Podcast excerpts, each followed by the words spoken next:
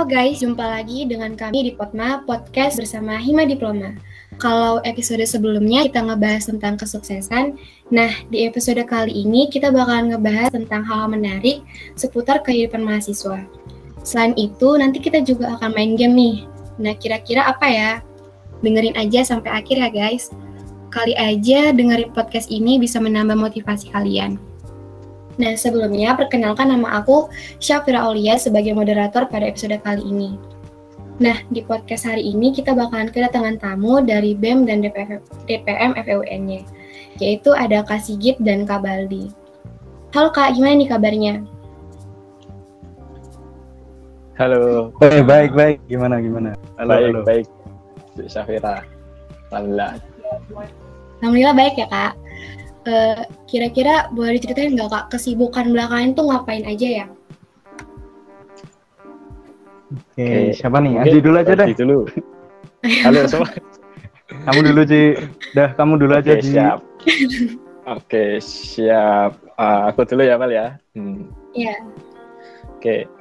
Oke, mungkin kalau ditanya soal kesibukan, eh, akhir-akhir uh, ini masih sibuk. Tentu yang pertama di BEM ya, di BEM FEUNY Uh, terus juga uh, di semester 7 ini alhamdulillah uh, ditambah dengan ada KKN sama praktek kependidikan sih kalau di jurusanku.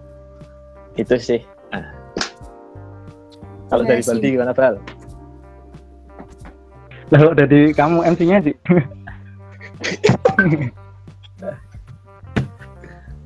Oke, kalau aku kesibukannya ya sama ya kalau di kampus di kalau aku di DBM DPM FUNY terus di beberapa organisasi lainnya di luar kampus. Terus kebetulan kemarin uh, ini juga sih masih jalanin usaha di bidang IO buku kenangan sekolah. Oh kalau ada yang mau mesen boleh.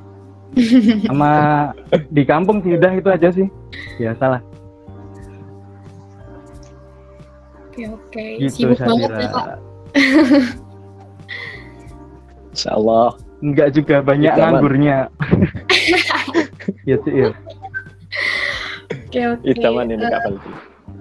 Oke, mungkin okay, kan siap. dari kabar uh, Kak Sigit uh, pernah jadi maba nih. Nah, kira-kira persiapan apa aja sih yang kita perlukan buat jadi mahasiswa? Oke, okay, uh, mungkin dari aku dulu ya kalau tadi ditanya berkaitan dengan persiapan ya, terutama ketika menyandang gelar mahasiswa ya, yang tentu otomatis juga uh, tersematkan di sana itu kewajiban untuk berperan di masyarakat. Nah, yang perlu disiapin sendiri itu yang pertama mesti mental, uh, terus pola pikir, terus juga kemampuan memanajemen diri, uh, memanajemen waktu, manajemen tenaga, manajemen pikiran. Uh, karena emang pada masa-masa menjadi mahasiswa ini uh, merupakan masa-masa transisi untuk menuju ke kehidupan selanjutnya. Wah, kalau dari Kabaldi gimana nih? Waduh, apa ya? Ini sih yang pertama mental, yang kedua mindset yang berkembang. Mungkin dua itu sih. Oke, setuju sih aku kalau yang mental tadi beneran setuju. Berarti yang satunya nggak setuju nih. ya setuju juga gitu. Cuman kalau yang mental lebih lebih gimana gitu. prioritas. Karena kan kehidupan dari kuliah terus ke SMA kan pasti beda gitu. Benar banget sih. Iya. Iya betul betul. Setuju sih setuju. Oke, mungkin acara hari ini di sini kita punya beberapa pertanyaan ke kakak mengenai dunia perkuliahan dan organisasi.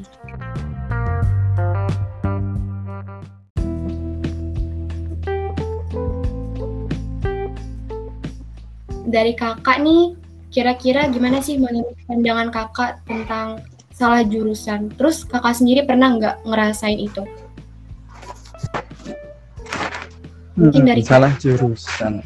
Siapa dulu nih? Siapa aja nih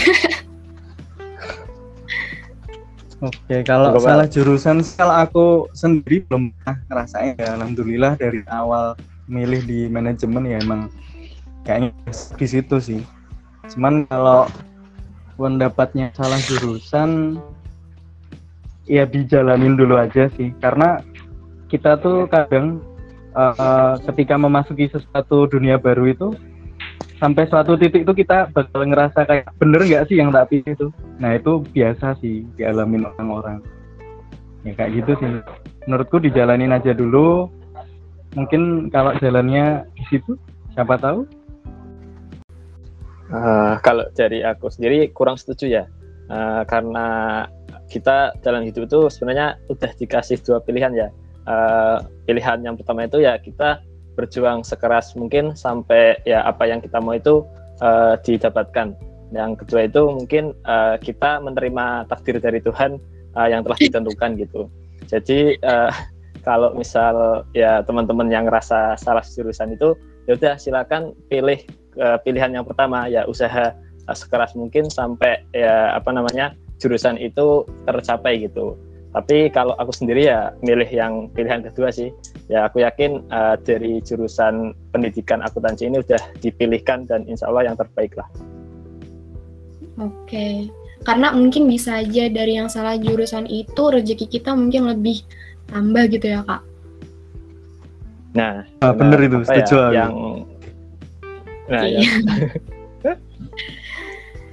nah, dari Kak Baldi sama Kak Sigit ini kan beda organisasi ya?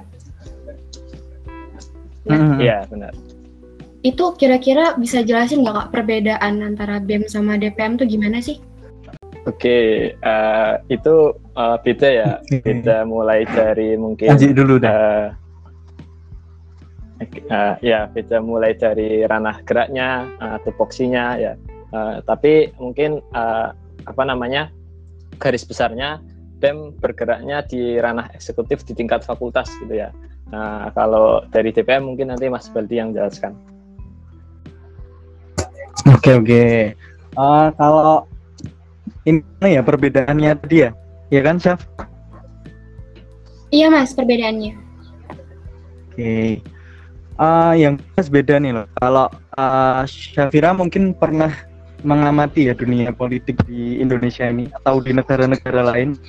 Kalau di negara itu kan ada yang namanya presiden, ada yang namanya uh, Dewan Perwakilan Rakyat lah. Kalau di luar negeri mungkin ada parlemen gitu ya namanya.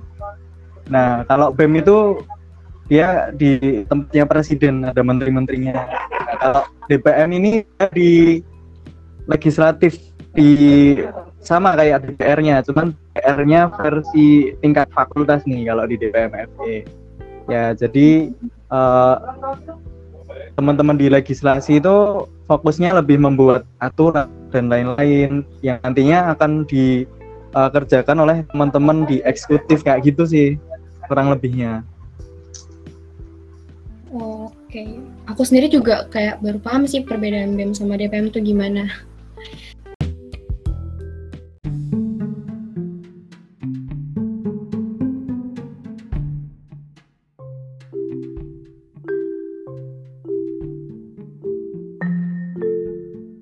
Kan kakak di sini udah pernah ngerasain jadi anak organisasi itu gimana. Nah, kira-kira tuh suka duka yang kita alami itu gimana ya? Hmm, suka duka anak organisasi. Sukanya banyak sih. Uh, pertama, yang jelas itu soft skill dapat banget ya, mulai public speaking, terus cara bangun jaringan dan lain-lain. Itu pasti dapat tuh di organisasi. Terus yang kedua, nggak uh, tahu kenapa ya kalau aku selama menjalani organisasi itu banyak hal-hal di hidupku yang rasanya dimudahkan gitu Ketika ada sulit itu kok tahu-tahu ada aja yang bantuin dari kanan kiri itu enaknya di organisasi gitu. Terus apa ya? Eh banyak sih kalau mau diomongin satu-satu.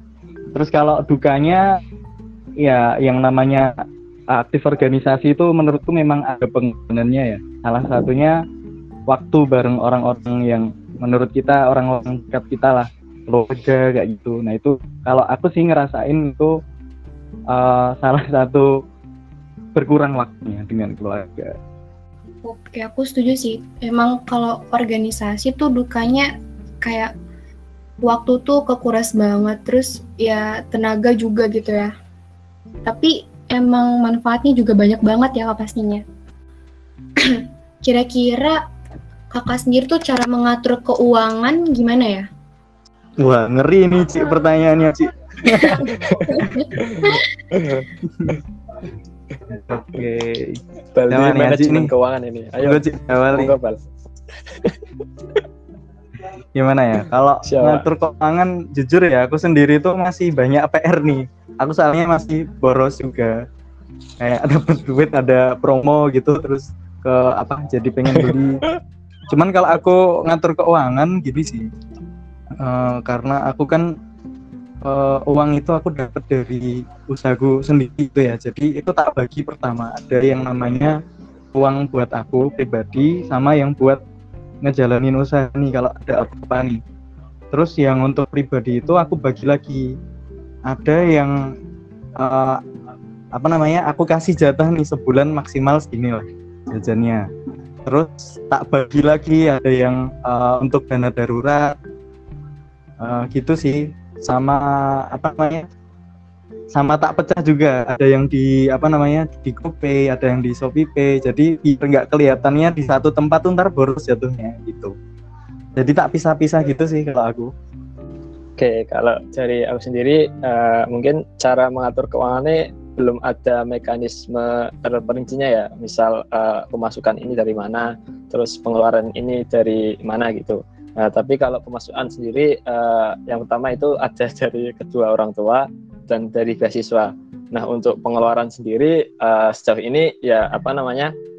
Mungkin belum ada eh, pengaturan tertentu gitu, tapi eh, sama sih kayak Bali tadi yang bagi misal untuk konsumsi eh, misal berapa gitu untuk pendidikan untuk misal keperluan organisasi terus juga kadang kita kan juga butuh hiburan ya sesekali dan ya ada dana darurat juga sih yang harus ada eh, dipegang untuk suatu waktu apabila ada suatu hal yang tidak terduga gitu.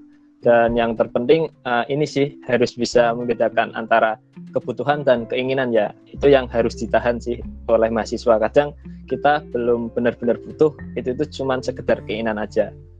Ah, itu sih. Nah itu Ci setuju aku Ci. Membedakan keinginan sama kebutuhan tapi itu paling susah dilakuin.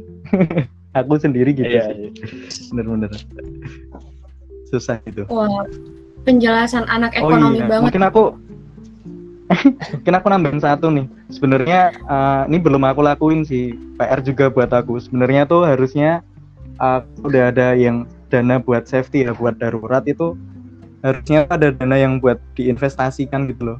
Kalau ada dana sisa. Sebenarnya kayak gitu, cuman aku sendiri belum jalanin itu sih. Karena ya ya baru segitu sih adanya. Kira-kira cara kakak buat ngebagi waktu antara kuliah sama organisasi tuh gimana ya? Gimana, Ji?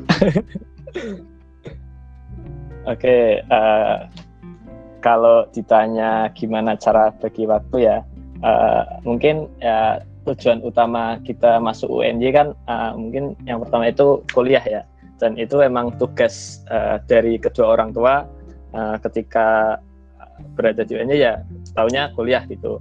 Tapi eh, ketika kita memutuskan untuk terjun ke organisasi ya kita harus juga eh, optimal di sana.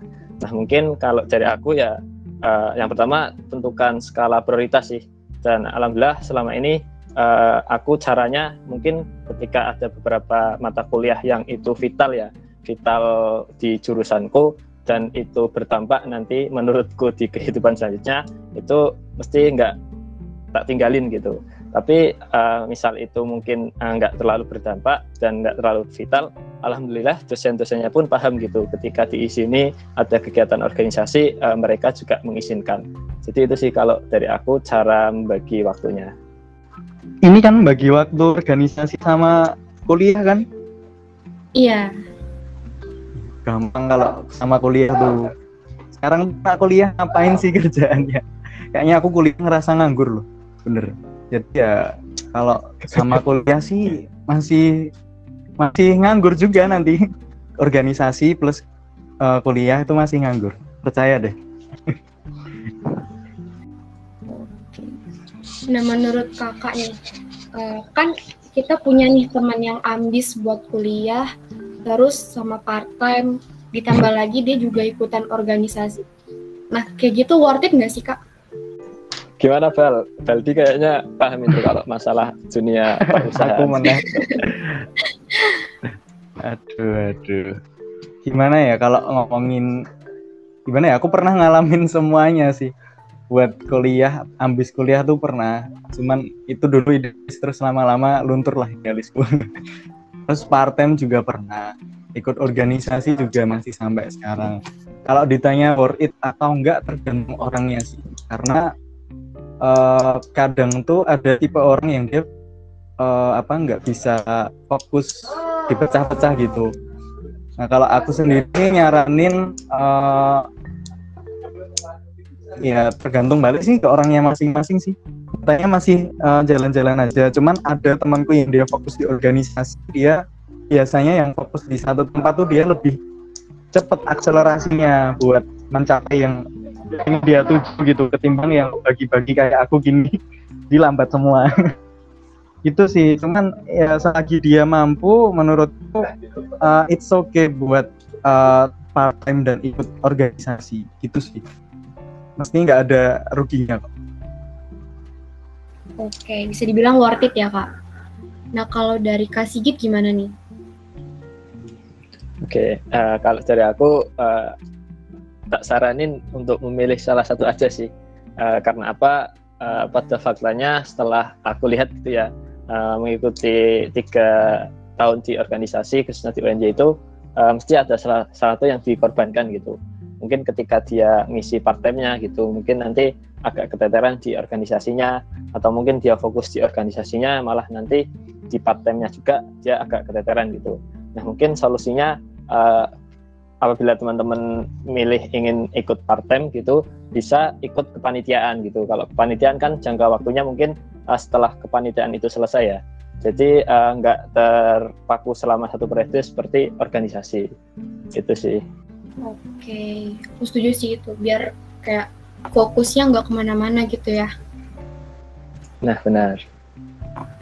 Nah kan kakak sendiri tuh kan uh, udah ikut organisasi, pasti tahu dong uh, pengertian dari pemimpin itu gimana? Mungkin Aka bisa jelasin sedikit. Oke. Monggo, uh, Aji. Mungkin silahkan. okay. Ini uh, jadi kayak itu ya uji publik ketua PEM kemarin ya. Misalnya oh iya. Ya. iya iya bisa bisa. Oke, okay, uh, mungkin kalau ditanya arti pemimpin ya uh, ini agak apa normatif ya jawabannya ya. Uh, kalau menurutku ya pemimpin itu ya seseorang yang mampu memengaruhi dan menggerakkan orang lain gitu untuk mencapai suatu tujuan bersama. Nah, tapi untuk sederhananya uh, menurutku pemimpin itu adalah seseorang yang menjadi garda terdepan ya. Seorang konseptor, seorang suri tauladan uh, dalam sebuah entitas dan ya pemimpin itu uh, titik poin utamanya menurutku ada pada uh, ketika dia mampu menciptakan sosok pemimpin yang baru sih. Oke, kalau dari Kabaldi gimana? Sama kayak Aji. ya, cuman tambahan sih. Tambahannya adalah pemimpin itu adalah pembantu umum. Seperti itu. Oke. Tapi kalau menurut kakak tuh jadi pemimpin tuh tanggung jawabnya atau bebannya tuh makin gede nggak sih?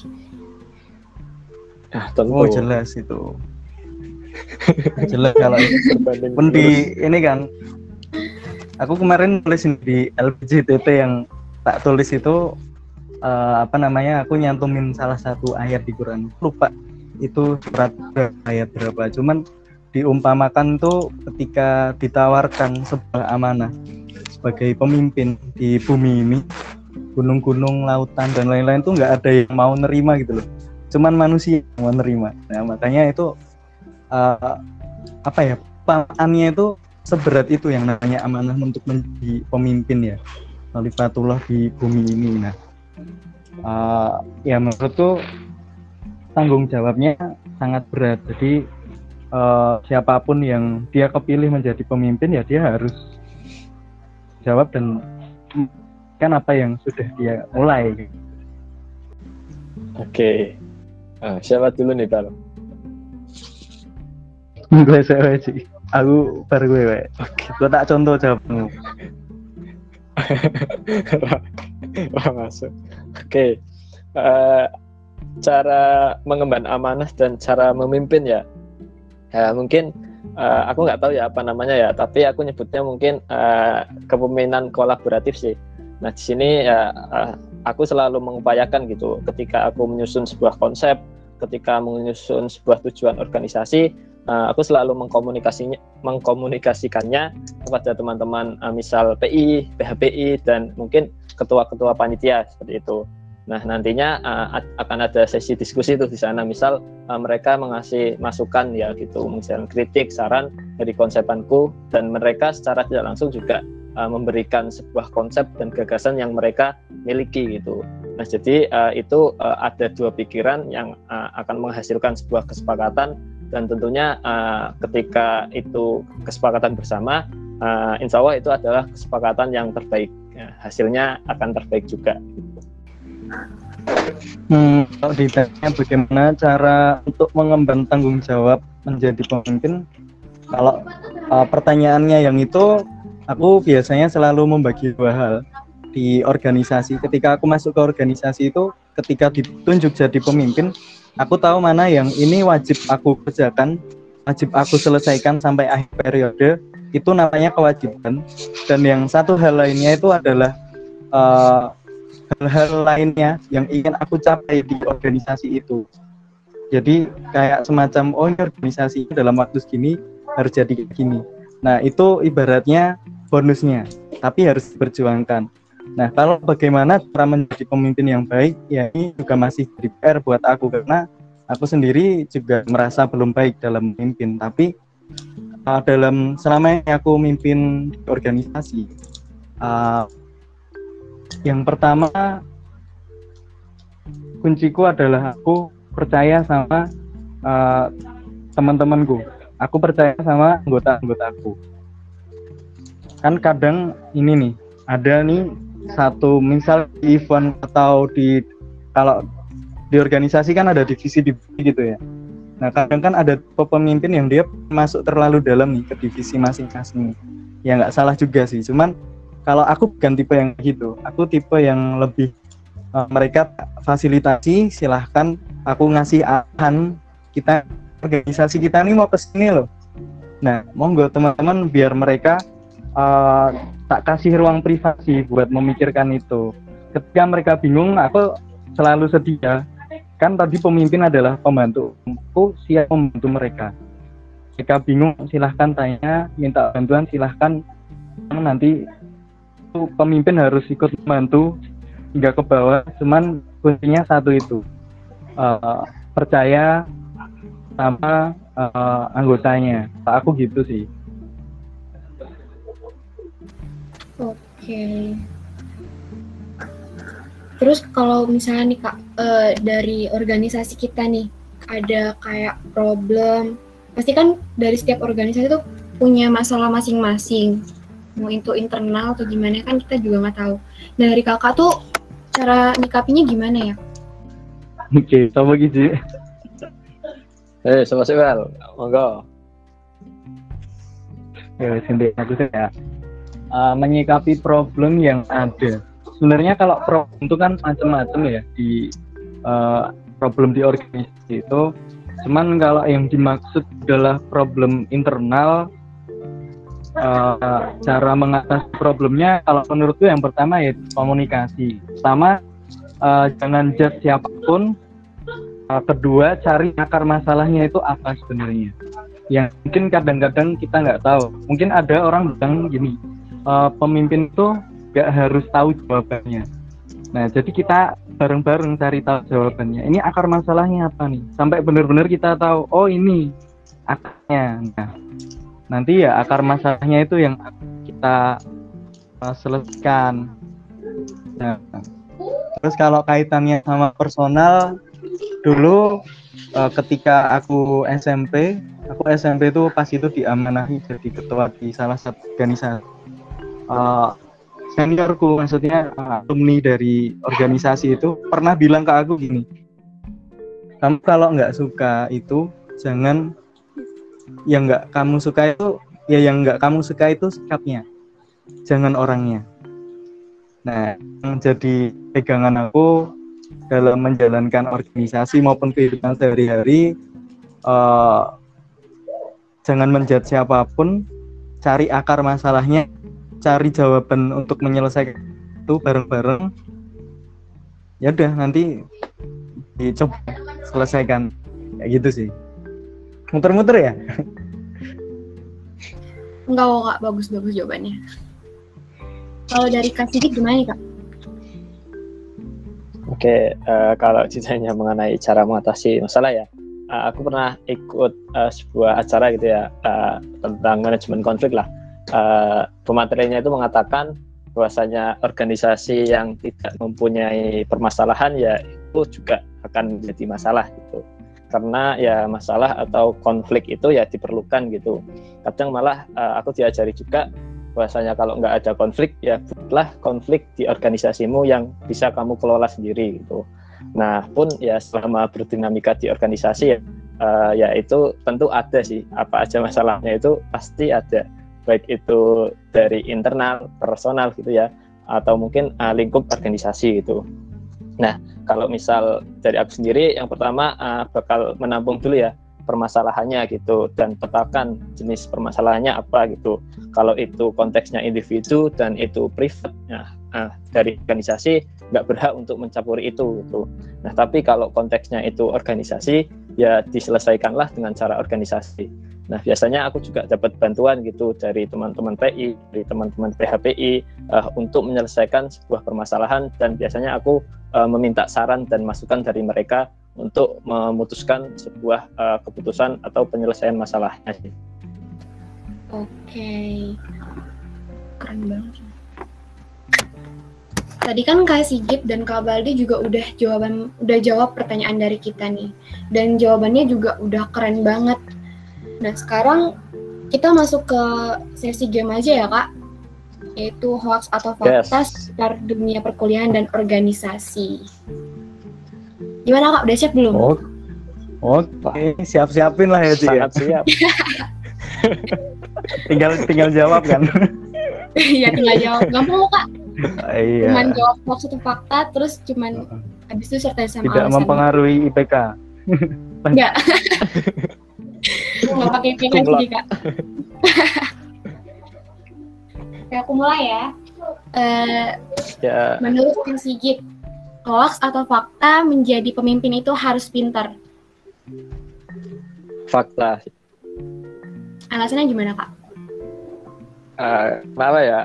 Uh, pemimpin itu uh, nggak cuman misal pandai merencanakan gitu ya, uh, membuat sebuah konsep uh, terus diserahkan aja, tapi pemimpin itu juga harus uh, pandai mendelivernya kepada uh, seluruh staff-staffnya gitu ya. Pandai mengontrol untuk jalannya dari perencanaan tadi uh, dan juga ada juga nanti mungkin konflik yang perlu diselesaikan. Jadi kompleks lah. Jadi uh, pemimpin emang harus dituntut uh, cerdas sih. Oke. Okay. Selanjutnya nih buat Kabaldi, menurut Kabaldi hoax atau fakta sebelum memimpin orang lain itu kita harus memimpin diri sendiri dulu. Fakta sih, karena uh, ya gimana kita bisa memimpin orang lain kalau bisa memimpin diri sendiri kan, nah, sesimpel itu. Midi. Oke, buat Kasigit nih balik lagi. Menurut Kasigit, hoax atau fakta organisasi itu penting? Fakta. Alasannya? Uh, alasannya uh, apa ya?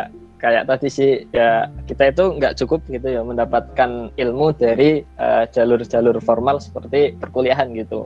Uh, bahkan uh, ada beberapa yang nggak bisa diakomodasi oleh bangku kuliah gitu. Jadi uh, seperti soft skill yang tak jelasin tadi itu uh, bisa kita dapat lewat organisasi ini. Oke. Okay. Nah, buat Kabaldi, menurut Kabaldi, hoax atau fakta lebih enak perkuliahan dan proker daring? Setuju nggak? Nggak setuju sih. Oh. ya, nggak sih aku orangnya bosenan sih. Jadi kalau kuliah sama proker daring kayaknya cuman gitu-gitu. kayak kurang berasa gitu ya uh, uh, kalau kita luring tuh kan bisa langsung ketemu orang. Aku dulu dapat kerjaan pertama gara-gara uh, event gitu ketemu orang kenalan juga di situ. Lanjut. Sekarang kalau daring nggak mungkin kan di Google Meet gitu kan. Tahu-tahu ngobrol sama orang pas lagi acara ya nggak bisa ngobrol gitu ya. Nah kan denger semua ke event iya iya. Buat kasih git menurut kasih itu hoax atau fakta organisasi membuang-buang waktu hoax sih. Kenapa tuh kak? Apa ya? Ya mungkin kalau membuang-buang waktu kurang tepat ya tapi ketika waktu kita akan uh, terforsir lebih banyak nah itu ya itu baru fakta. Karena apa? Ya waktu yang kita buang di organisasi itu juga akan berdampak kepada kita gitu. Jadi uh, bukan yang membuang-buang waktu dalam konotasi negatif ya tapi uh, waktu yang kita alokasikan ke organisasi uh, insya Allah akan bermanfaat lah untuk uh, kehidupan selanjutnya gitu. Oke. Buat Kabaldi nih, menurut Kabaldi hoax atau fakta ikut organisasi makin boros waktu, tenaga, dan uang? Hmm, fakta sih. karena ya, ini dijelasin nih. ya karena uh, ya namanya ikut organisasi mesti harus uh, apa ya mengorbankan waktu, tenaga, dan juga uang. Tapi yang jadi per apa ya pernyataanku di sini ya sama. Kita tinggal milih yang namanya uang waktu tenaga itu juga bakal uh, kebuang juga di tempat yang lain. Kita tinggal milih mau buangnya di mana gitu. Nah kalau aku milih buangnya di organisasi sih. Lebih manfaat gitu. Benar-benar. benar buat kasih git menurut kasih git tuh hoax atau fakta mahasiswa harus banyak pengalaman. Fakta kalau itu. Uh, alasan apa ya? Aku pernah ngutip gitu ya. Kalau kita ya uh, khususnya pemuda itu nggak bisa menjanjikan eh menawarkan masa lalu tapi bisa menjanjikan masa depan. Nah karena kita nggak bisa apa namanya uh, nggak berpengalaman dalam masa lalu ya oleh karena itu ya kita tambah pengalaman pengalaman kita gitu nah salah satunya bisa lewat organisasi atau mungkin tadi kalau memilih jalur kayak kerja gitu ya part time misal internship, uh, magang seperti itu. Jadi emang modal besar ya, apa namanya pengalaman itu sangat dibutuhkan gitu. Widih. Buat Kabaldi nih, hoax atau fakta semakin banyak relasi, semakin banyak manfaatnya. Oh iya jelas, makin banyak relasi, makin banyak manfaatnya. Fakta. Kenapa tuh kak? dulu aku pernah dapat kerjaan gara-gara relasi. Astagfirullah. Gak sih memang banyak yang bantuin ntar kalau dapat relasi. Serius jalannya lebih mudah aja gitu. Oke oke. Uh, buat kasih git nih. Hoax atau fakta mending magang sana sini daripada aktif organisasi. Sulit ya ini harus salah satu. sih bisa yuk. tengah-tengah ini. Tengah-tengah. Alasannya uh, kenapa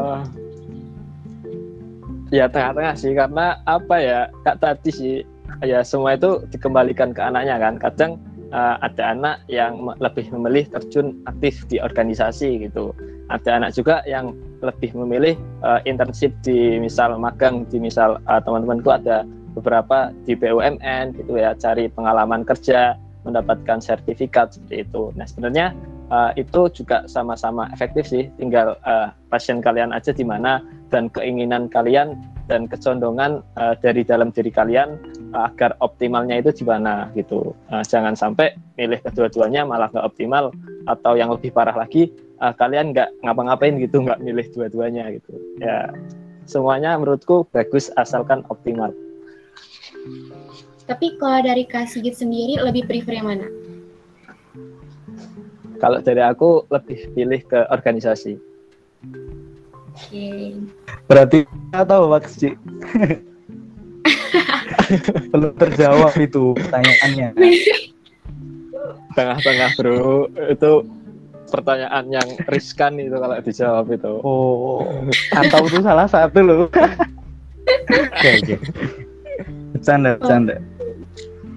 Pertanyaan terakhir nih buat Kak Baldi. Menurut Kak Baldi, sebagai mahasiswa, begadang adalah kebutuhan sehari-hari. Hoax atau fakta? Ah, gimana ya? Ya fakta sih, cuman bukan eh, apa kebutuhan sih. Paksaan itu. Iya. tapi emang gitu sih. Mau nggak mau sih. Pilihan lah. Keterpaksaan dengan tugas gitu ya, Kak? Iya. betul betul. Oke. Gimana nih, Kak? Seru nggak games dari kita hari ini atau biasa aja? Wah, seru, Seru, banget, seru. sangat menjebak sekali ya kan sih. Salah jawab kita kena ini? apa Nilainya? ini? Biar semakin tertantang, Kak, gitu. Boleh, lah, boleh. bisa, Part bisa. dua ya, Val, ya nanti, Val. Ntar kita MC-nya tapi kita moderatornya sih. Ntar Iya. Safira yang ditanyain. Jangan Boleh, dong. boleh. Loh, kok jangan. Oke, udah nggak kerasa nih kita udah di penghujung pembicaraan pada malam ini nih. Eh, mungkin Masya dari Kak Allah. Baldi, dari Kak Baldi atau Kak Sigit ada kata-kata penutup buat podcast hari ini nggak? Ah, closing statement ya. Ah, itu Baldi pinter itu. Si anak senja itu. Monggo Baldi dulu. Ayo Kak Baldi boleh. Haji dulu aja, Haji dulu aja. Siapa nih? Oke. Ah, mungkin untuk closing statementnya ya, ah, apa namanya? Jangan ragu ketika sudah menyandang gelar mahasiswa. ah, di sana kalian diberikan sebuah keistimewaan ya, dan juga di balik keistimewaan berbanding lurus juga dengan kewajiban gitu. Jadi ah, apa namanya? Manfaatkan gelar itu, cari pengalaman sebanyak-banyaknya, bisa ikut lewat jalur organisasi, bisa lewat magang, bisa juga part time. yang penting kalian tetap uh, produktif, uh, jangan malah uh, nggak ngapa-ngapain gitu. Jadi ikuti salah satu yang menurut kalian kalian bisa optimal di sana. Mungkin itu aja sih. Oke, kalau dari Kak Baldi gimana nih Kak? Ada nggak kira-kira? Eh, halo, halo. Suaraku masuk nggak ya? Masuk Kak, masuk. Oke, eh, closing statement ya. Iya. Kalau dari aku hmm, terkait kaitannya sama ini ya, apa namanya? Dunia mahasiswa ya. Eh, ini aku pernah dapat eh, apa namanya? quotes dari temenku ya. Dia anak UII, anak kedokteran. Dia pernah bilang gini ke aku sih. Jangan jangan takut ditinggal seseorang, tapi takutlah ditinggal diri sendiri. Wah, Jadi eh, apa pun pilihannya, eh, misalnya tadi ada pilihan nih mau fokusnya di part time atau fokus di organisasi, organisasi pun milih. Nah, eh, terus selama menjalankan pilihan itu punya idealis ya, menurutku dilakuin aja. Jangan takut itu tadi, tapi takutlah ditinggal diri sendiri.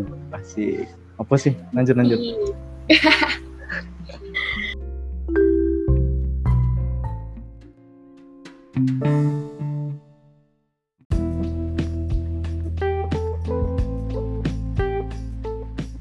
Bener banget nih. Tadi ya kalau mental tuh harus banget disiapin untuk peralihan dari siswa ke mahasiswa. Karena kan kita harus mulai memilih nih antara mau jadi mahasiswa yang fokus dengan dunia perkuliahan atau organisasi atau kita mau milih ikut part time. Jadi mental dan tekad tuh harus satu biar mahasiswa bisa lebih berkembang. Kurang lebih gitu ya.